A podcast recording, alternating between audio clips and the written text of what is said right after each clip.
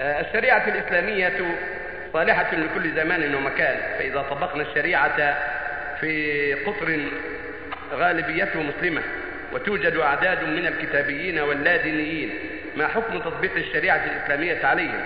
وإذا ارتكب الكتابي أو الكتابية جريمة حدية وتوفرت كل الشروط لإقامة الحد عليها هل يمنع من تطبيقه الحد عليها اختلاف الدين؟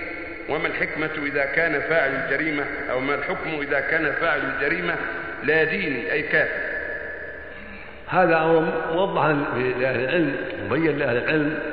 إذا كان في الدولة نصارى أو يهود أو ناس آخرون من الكفار فعليهم أن يلتزموا حدود الشريعة. وعلى الدولة أن تنفذ في حكم الله عز وجل. إذا أدوا الجزية والتزموا بأحكام الدولة أحكام الإسلام فيما بينهم فعلى الدولة أن تحميهم من الظلم. ولا تدع أحد يظلمهم وأن تعطيهم حقوقهم حقوق الوطنيين التي تخص أمثالهم. وأن تقيم فيهم أمر الله إذا خاله شرع الله. وأن لا يظهروا دينهم ومنكرهم بين المسلمين. بل يكون في داخل بيوتهم وداخل محلاتهم حتى لا يظهروا شرهم للمسلمين ولا دينهم للمسلمين. فالحاصل أن هذا له أحكام.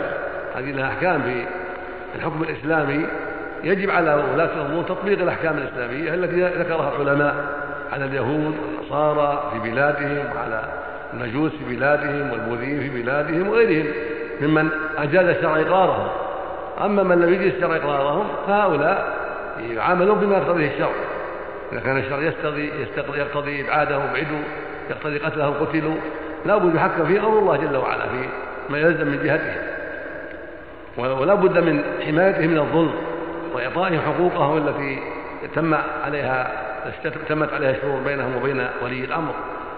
وإذا كانت الشروط التي بينهم وبين ولي الأمر لم ينفذوها لهم أحكام أيضا.